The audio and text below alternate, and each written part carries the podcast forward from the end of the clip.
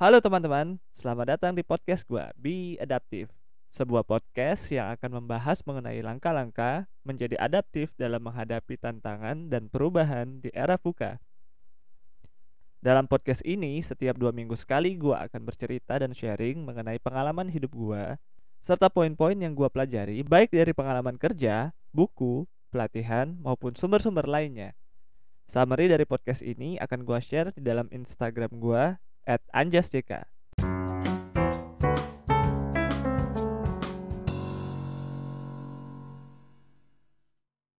Di episode 3 ini gue akan bercerita mengenai zona nyaman dan leap of faith. Baik, episode ini akan dibagi menjadi tiga bagian besar seperti biasanya. Yang pertama, gue akan menjelaskan mengenai zona nyaman dan zona berkembang. Yang kedua, gue akan bercerita bagaimana cara kita memandang zona nyaman ini, yaitu dengan cara memperlebar zona nyaman kita. Dan di bagian terakhir, gue akan bercerita mengenai leap of faith. Oke, sebelum gue memulai bahasan pertama ini, gue ucapkan terima kasih kepada teman-teman yang telah mendengarkan podcast ini. Sehingga teman-teman selalu menjadi semangat gue untuk terus berbagi. Alhamdulillah, setelah gue mulai di awal tahun 2022, sekarang sudah masuk episode ketiga. Dan tanpa terasa, kita juga sudah melewati satu bulan di tahun 2022 ini. And time flies so fast. Walaupun dalam membahas waktu ini, apakah terasa cepat atau terasa lambat, itu kita masing-masing diri kita itu berbeda-beda. Menurut teori relativitas, maka apabila teman-teman merasakan bulan Januari itu begitu cepat, berarti teman-teman somehow menikmati bulan Januari secara overall. Di sisi lain, apabila teman-teman merasa nih bulan Januari begitu panjang banget, maka teman-teman berarti dalam suatu kondisi yang menantang. Ayo kita sama-sama berdoa semoga bulan-bulan ke depan jadi lebih baik lagi ya. Nah, apakah teori relativitas ini dan persepsi kita terhadap waktu ada hubungannya dengan bahasan kita hari ini yaitu zona nyaman? Yes, of course. Kembali lagi gue ulangi bahwa ketika kita merasakan bulan Januari itu berjalan begitu cepat, somehow berarti kita merasa nyaman sehingga waktu berjalan begitu cepat bagi kita. Besar kemungkinan nih kita sedang berada dalam zona nyaman kita. Apa sih zona nyaman itu? Zona nyaman yang saat ini populer dalam komunikasi sehari-hari kita setelah melakukan beberapa cross reference, gue menemukan bahwa salah satu referensi yang menyebutkan sejarah asal mula istilah populer ini di masyarakat, yaitu berawal dari tahun 1991. Seorang pemikir di bidang manajemen bernama Judith Bartwick memulai menggunakan istilah comfort zone dalam karyanya yang berjudul Danger in Comfort Zone seperti yang diceritakan dalam situs positif psychology.com. Zona nyaman yang ia maksud adalah kondisi di mana orang-orang terfokus nih pada hal-hal yang bersifat rutin dan jauh dari resiko, sehingga menyebabkan stagnansi dalam perkembangan dirinya. Seperti apa sih yang dimaksud rutinitas itu? Misalnya nih apabila kita menghabiskan waktu sehari-hari dalam pekerjaan kita yang bersifat rutin, berangkat dari rumah dengan menggunakan kendaraan pribadi maupun kendaraan umum yang mungkin sudah berjalan selama bertahun-tahun. Sebagai mantan rocker, gue akan sharing sesuatu terkait hal ini. Oh iya, sebelum gue lanjut, rocker itu istilah yang kami-kami gunakan untuk pejuang KRL ya, yang setiap hari datang ke Jakarta dari kota-kota satelit menggunakan moda transportasi ini.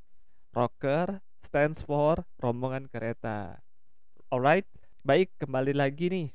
Untuk para rocker misalnya, setiap hari rocker itu bisa berangkat dari rumahnya pukul setengah enam pagi loh. Atau bahkan ada yang lebih pagi lagi. Mereka berjalan menuju stasiun, menunggu kereta, dan kemudian berdesak-desakan di dalam gerbong kereta selama kurang lebih 30-60 menit. Atau bahkan bisa lebih. Kemudian, dia sampai di stasiun tujuan, turun, dan menuju kantor baik dengan menggunakan ojek, bajai, atau moda transportasi lainnya. Sesampainya di kantor, kemudian dirinya menjalankan tugasnya yang sudah dilakukan selama berhari-hari secara rutin, baik membuat laporan, datang ke meeting, membuat analisa, dan lainnya. Siangnya dia mendapati jam makan siang dan makan bersama teman-temannya, yang menjadi rutinitas hari-hari dia selama di kantor. Kembali lagi dia ke kantor setelah makan siang, rutinitas pun berlanjut hingga akhirnya jam pulang kantor pun tiba. Dirinya bersiap menuju ke stasiun dan kembali berjibaku di dalam KRL. Perjalanan setiap hari ini bisa memakan waktu yang tidak sebentar, tapi baginya semua berjalan begitu cepat. Kenapa? Karena rutinitas ini sudah dijalankan setiap hari. Begitu juga dengan pekerjaannya di kantor. 8 jam dapat berlalu begitu cepat. Bukan hanya sehari, seminggu, sebulan, hingga setahun ataupun lebih.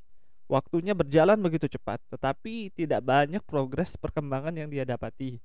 Dirinya masih bekerja di tempat yang sama, memiliki rutinitas yang sama. Yes, that was zona nyaman. Selain itu, masih dari situs yang sama diceritakan bahwa pada tahun 1907, Robert Yerkes dan John Dodson melakukan sebuah penelitian yang mulai menghubungkan antara anxiety atau tingkat kecemasan dengan tingkat kinerja. Dalam penelitiannya, mereka menggunakan beberapa ekor tikus untuk mengukur tingkat motivasi para tikus untuk menyelesaikan, menyelesaikan suatu maze atau labirin dengan memberikan aliran listrik sebagai pemicunya. Setiap penambahan intensitas aliran listrik tersebut, terdapat peningkatan kinerja oleh para tikus, namun hanya pada sampai titik tertentu saja. Setelah titik tersebut, para tikus lebih memilih untuk bersembunyi dan tidak me mencoba melewati labirin tersebut. Pola ini ada sedikit hubungannya dengan pola manusia dalam menghadapi suatu tekanan. Ketika manusia menemui suatu tantangan, kita akan memiliki tiga jenis respon, yaitu yang pertama fight atau menghadapi tantangan tersebut, yang kedua flight atau menghindari tantangan tersebut, dan yang ketiga freeze atau diam. Hasil penelitian yang mereka lakukan di tahun 1907 tersebut kemudian disebut sebagai Yerkes and Dodson Law, di mana akan ada tiga zona nih hubungan antara tingkat anxiety dengan tingkat kinerja seseorang, yaitu yang pertama zona yang membosankan. Ketika uh, tingkat anxiety-nya itu tidak memberikan uh, stimulus atau bantuan pada kinerjanya. Yang kedua adalah zona optimal, adalah range di mana rasa anxiety-nya itu akan membuat dia untuk perform maksimal. Dan yang terakhir, ketika anxiety itu bertambah, masuklah dia ke zona panik atau ketika anxiety itu bertambah, kinerja malah menurun. Bagi kita, yang saat ini berada dalam zona nyaman dalam ritme hidup atau tugas yang kita miliki saat ini memiliki potensi untuk terjebak di zona nyaman kita. Karena tingkat anxiety yang cenderung rendah dan akhirnya kita bisa terjebak di zona yang membosankan sehingga kita merasa kurang hidup. Yes kita merasa kurang tertantang dan begitu-begitu saja. Akan tetapi berada di dalam zona nyaman bukan berarti tidak sepenuhnya buruk. Terdapat beberapa manfaat yang bisa kita rasakan apabila kita sedang berada di zona nyaman. Di antaranya, yang pertama, melatih suatu kemampuan atau skill yang sudah kita kuasai agar terus terlatih.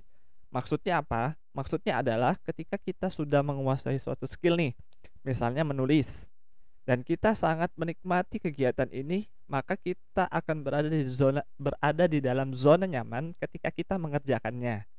Hal ini tetap kita lakukan atau kita butuhkan agar kemampuan menulis kita itu tetap bertahan dan tidak memudar sehingga kita perlu masuk ke zona nyaman untuk terus menulis. Yang kedua, menjadi PD. Tentu saja ketika kita melakukan sesuatu yang kita rasa nyaman atau kita kuasai maka kita akan menjadi PD dibandingkan melakukan sesuatu yang belum kita kuasai. Dan yang terakhir, mengurangi resiko. Sejalan dengan kemampuan kita yang sudah oke, okay, ketika kita melakukan sesuatu yang sudah jadi rutinitas kita dan kita kuasai dan nyaman, maka resiko kesalahan dan juga energi yang kita habiskan akan menjadi lebih rendah. Hal ini juga yang membuat kita pede sebagaimana yang gue jelaskan sebelumnya. Artinya, kita butuh zona nyaman. Kita butuh tahu tuh di mana sih zona nyaman kita dan kembali lagi ke zona ini ketika kita merasa capek, lelah dan butuh waktu untuk recharge. Kenapa kita merasa demikian? Most likely karena kita baru saja berada di zona yang kita sebut sebagai zona berkembang. Lantas apa sih zona berkembang itu? Zona berkembang adalah suatu zona di luar zona nyaman kita. Zona ini dipengaruhi oleh berbagai dimensi, antara lain waktu, tempat, situasi, skill set, orang, dan lain sebagainya. Artinya nih, zona berkembang kita itu berhubungan dengan interaksi kita dengan tempat baru, situasi baru, skill set atau kebutuhan mempelajari sesuatu yang baru, bertemu dengan orang baru, yang merupakan kondisi di luar kebiasaan kita sehari-hari. Karena salah satunya adalah mengenai pembelajaran sesuatu kemampuan baru, teman-teman bisa relate dengan episode pertama gue. Di mana saat kita akan melakukan atau melatih skill baru, maka dibutuhkan suatu keberanian dan trigger agar dapat memulainya. Kenapa? Karena dalam teorinya ketika kita akan keluar dari zona nyaman kita, kita akan melewati suatu zona transisi yang gue sebut sebagai zona ketakutan. Zona ini merupakan zona ketika kita keluar dari kebiasaan yang kita, yang di dalamnya kita merasa aman dan nyaman, di mana kita menguasai bidang kita di dalam zona tersebut, kemudian kita dihadapi dengan suatu ketidakpastian, ketidakmampuan, dan ekspektasi orang-orang. Apa yang kita rasakan ketika menghadapi hal itu? Yes, tentu saja yang kita lakukan adalah rasa takut. Kenapa sih kita merasa takut? Karena kita takut tuh ketika kita mencoba, kita bisa saja gagal atau tidak mampu atau mengecewakan orang-orang. Tapi hal itu sangat wajar teman-teman.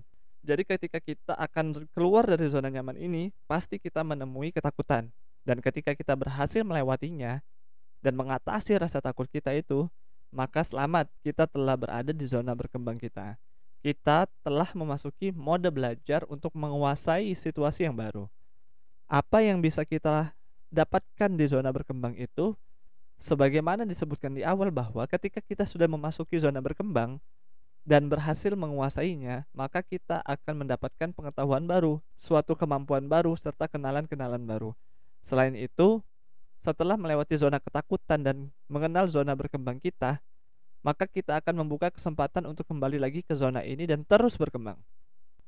Jadi, setelah gue jelaskan tadi, kita tahu nih apa itu zona nyaman, apa itu zona berkembang. Di mana zona nyaman dan zona berkembang itu dipisahkan oleh satu barrier atau satu batasan yang disebut sebagai zona ketakutan. Di mana ketika kita mau keluar dari zona nyaman, kita akan merasa takut, kita akan merasa ragu, tapi di situlah jadi tolok ukur kita ketika kita akan masuk dan di arah yang benar ke zona berkembang.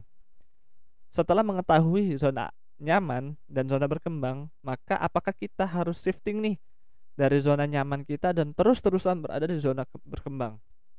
Tidak, mengapa? Karena kita, seperti yang gue jelaskan di awal, berada di zona nyaman itu tidak sepenuhnya berdampak buruk bagi kita. Kita memiliki beberapa keuntungan. Misalnya ketika kita berada di zona nyaman, ketika kita merasa dalam tanda kutip dapat mengontrol, mampu dan tidak melelahkan mengerjakan segala sesuatu yang berada di zona ini. Sehingga penting untuk tetap mengetahui bat batasan dari zona nyaman kita dan memang kecenderungannya ketika apa yang sudah kita pelajari saat kita keluar dari zona nyaman, maka hal itu akan menjadi zona nyaman yang baru bagi kita.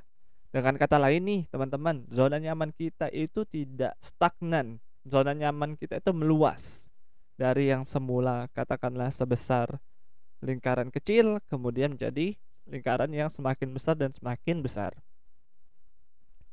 Sebuah contoh yang sudah gue jelaskan di awal merupakan sebuah contoh yang nyata bagi gue. Dan gue harapkan teman-teman bisa membayangkan hal itu juga ya. Yaitu pengalaman gue sebagai rocker. Pasti nih bagi para rocker merasakan apa yang gue rasakan juga. Betapa menyebalkannya perjuangan menaiki KRL setiap pagi ini di awal-awal kita naik KRL. Dan coba bandingkan dengan perasaan kita sekarang setelah sekian lama kita menjalani rutinitas ini. Ketika di waktu awal akan menjadi seorang rocker, gue gak bisa membayangkan seseorang itu harus pagi, harus bangun pagi setiap hari, dan berangkat sebelum jam 6 dari rumah untuk mencapai tempat kerjanya. Bukan hanya itu loh, membayangkan berada di dalam KRL yang memiliki kepadatan penumpang yang sangat tinggi juga rasanya bagi gua eh uh, big no lah.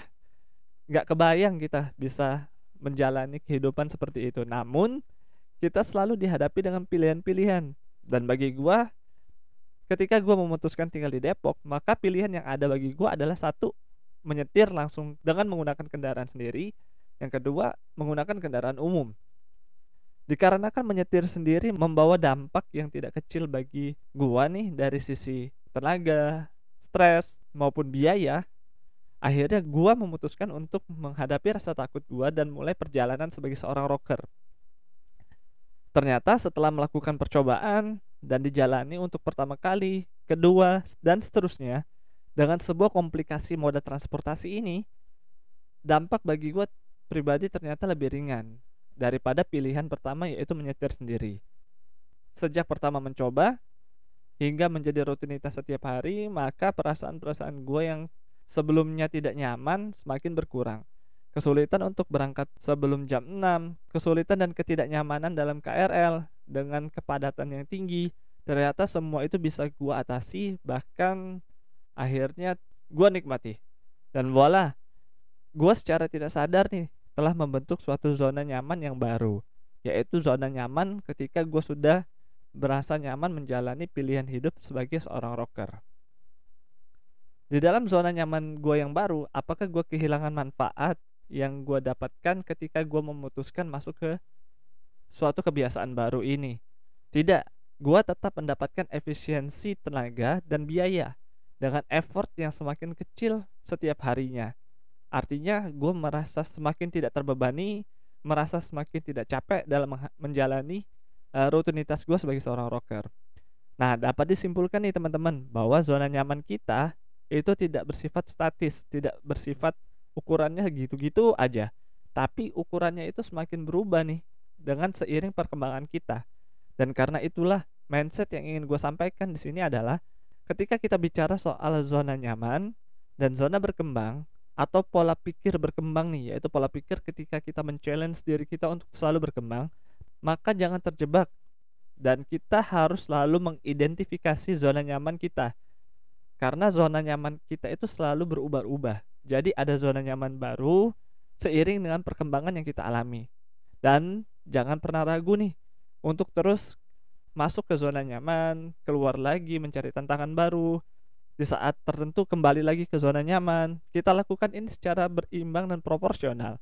Hal ini penting nih. Kenapa?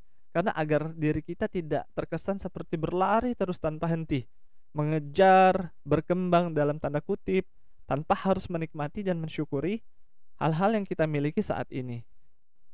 Tidak hanya dalam pengalaman transportasi atau commuting ke kantor, atau untuk kebiasaan-kebiasaan lainnya juga. Dalam situasi pandemi ini juga, kita yang tidak terbiasa dan nyaman menggunakan masker misalnya, mungkin saat ini sudah terbiasa dan nyaman untuk menggunakan masker di banyak situasi. Dalam kondisi lain, misalnya nih, ketika kita belajar mandiri, kita keluar dari zona nyaman kita. Apa zona nyaman kita? Misalnya nih, kita keluar dari kebiasaan tinggal bersama orang tua. Coba kita bayangkan betapa berat dan menantangnya saat kita lakukan itu untuk pertama kali. Nah, adaptasi kita terhadap kebiasaan baru itu ternyata membentuk suatu zona nyaman kita yang baru. Dan dalam zona nyaman baru inilah kita bisa merasakan manfaat yang sudah kita dapatkan ketika kita menantang diri kita dan kita kuasai dari zona berkembang kita. Selanjutnya apa? Setelah kita mengetahui zona nyaman yang sudah berkembang, jangan berhenti. Jangan berhenti. Kita tetap keluar dari zona nyaman kita, mencari tantangan yang baru, mencari zona-zona berkembang lain untuk kita kuasai. Gue akan bercerita tentang salah satu sambutan atasan baru gue di kantor. Dalam sambutannya, atasan baru gue itu memberikan suatu statement. Waktu itu gue belum mengerti betul maksudnya apa. Statementnya itu kurang lebih begini ya. Kalau sudah terlalu nyaman di suatu posisi atau fungsi, berarti itu sudah sinyal bagi kita untuk pindah, pindah pekerjaan atau pindah posisi di organisasi. Saat beliau menyampaikan hal itu, gue berpikir, kenapa? Kalau kita sudah nyaman, ya justru diam aja dong. Kita kan menikmati posisi itu, pekerjaan kita juga enak. Toh kita juga sudah memiliki gaji yang cukup misalnya. Kenapa sih kita susah-susah mencari tempat baru dan sebagainya? Ya di situ aja, nikmatin gitu. Tapi sekarang gue lebih mengerti karena ketika kita sudah terlalu nyaman rasanya sudah tidak ada tantangan-tantangan baru maka itu jadi sinyal nih dan efeknya ke mana efeknya kita akan menjadi stagnan dan tidak bisa berkembang lagi baik teman-teman setelah tahu nih bahwa sebaiknya kita terus berkembang kita terus mengembangkan zona nyaman kita itu. Selanjutnya apa? Kita perlu terus-menerus nih mencari challenge untuk memberikan tantangan kepada diri kita sendiri untuk tetap berkembang. Nah, semakin besar zona nyaman kita, artinya semakin banyak tantangan yang sudah kita jalani dan kuasai. Maka semakin besar juga peluang terbuka pintu-pintu kesempatan lain di zona berkembang kita. Dan bahkan semakin menantang lagi. Dan setelah kita melakukan pengembangan ini lagi dan lagi, tidak jarang kita tetap kita tetap akan menghadapi rasa takut bahkan ketika tantangan itu semakin besar, rasa takut kita pun semakin besar untuk keluar dari zona nyaman kita yang baru. Dan hal itu sangat wajar teman-teman. Sewajar rasa takut yang muncul saat kita mencoba keluar dari zona nyaman untuk pertama kalinya.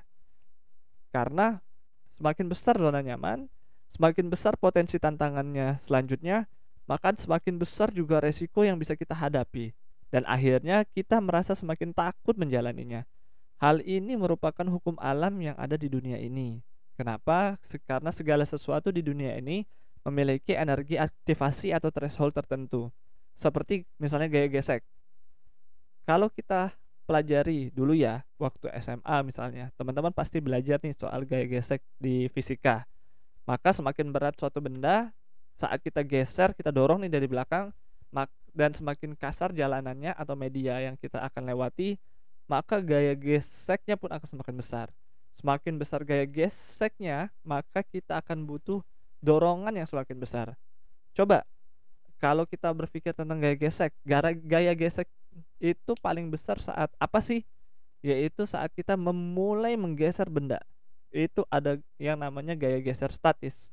Gaya geser statis itu nilainya lebih besar daripada gaya dari gaya geser yang ada ketika kita sudah menggerakkan benda tersebut. Rasa takut dan effort kita pun juga begitu. Titik terberatnya adalah saat kita ingin melangkah. Walaupun sudah berkali-kali ini kita keluar dari zona nyaman, berkali-kali kita mencari tantangan, berkali-kali kita membesarkan zona nyaman kita, tapi setiap kita akan menghadapi suatu tantangan baru, kita akan mencoba keluar dari zona nyaman kita yang baru, kita selalu menghadapi tantangan baru untuk melangkah. Karena itu dibutuhkan suatu dukungan yang besar secara mental untuk memulai langkah ini. Nah, di sini gue akan bercerita tentang suatu kisah atau satu potongan dari film yang menjadi analogi hal ini. Apabila teman-teman pernah nih menonton film Spider-Man Into the Spider-Verse, Hal yang sama dirasakan oleh Miles, Miles Morales ketika pertama kali akan menggunakan kekuatan Spider-Man-nya untuk tujuan yang besar. Kenapa saat itu dia merasakan, wah saya punya kekuatan tapi hmm, aku tidak mau menghadapi suatu kondisi bahaya, resiko, atau menghadapi musuh atau apa pun itu. Dia merasa ketakutan. Padahal kekuatan Spider-Man-nya itu ada. Ketakutan, kekhawatiran membuat dirinya ragu. Lantas apa yang disampaikan kepadanya oleh teman-temannya? Peter Parker dari dunia lain kemudian menghampirinya dan memberikan suatu saran. Katanya, just do it. Bagaimana dia tahu bahwa dia bisa melakukannya? Dijawab lagi, just do it because it's a leap of faith. Lompat saja karena itu adalah lompatan keyakinan. Kita hanya butuh melompat dalam suatu keyakinan. Selain dari cerita film tersebut, ada juga potongan dari sebuah game legendaris yaitu Assassin's Creed. Saat Ezio Auditore atau Altair dalam seri-seri awal game ini pertama kali menggunakan atau melakukan lompatan legendarisnya, maka dia merasa ragu. Bagaimana tidak, dia disuruh melompat dari bangunan yang sangat tinggi menuju satu titik di mana itu hanya terdapat jerami di sana. Bagaimana dia yakin nih ketika dia melompat dia akan aman? Dan ternyata itulah kenapa lompatan ini disebut lompatan keyakinan. Karena just do it, lompat saja. Lompat saja dengan yakin. Sebagai seorang muslim gue juga menyampaikan kepada teman-teman bahwa konsep ini di dalam Islam pun ada. Konsep leap of faith dalam Islam kita kenal sebagai tawakal. Tentu saja ketika kita melakukan lompatan besar ini, saat kita mencoba keluar dari zona nyaman, maka kita harus mengawali dengan ikhtiar yang cukup. Apa itu ikhtiar yang cukup? Dalam kasus ini, kita perlu mempelajari segala sesuatu dengan baik sebelum melakukan lompatan.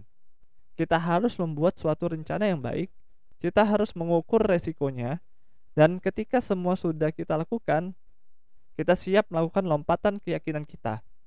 Dan setelah kita melompat, saat itulah kita lakukan tawakal. Baik, sekian teman-teman cerita kali ini dari gua. Episode ini gua dedikasikan untuk istri gue yang tercinta yang akan segera memasuki suatu babak baru dalam kehidupannya. Memasuki usia 30 dan tantangan-tantangan lainnya. Dan karena dirinya juga gua berani melakukan suatu leap of faith, suatu lompatan besar dalam karir gua yang membuat gua berada dalam posisi kali ini. Kenapa gua bisa berani?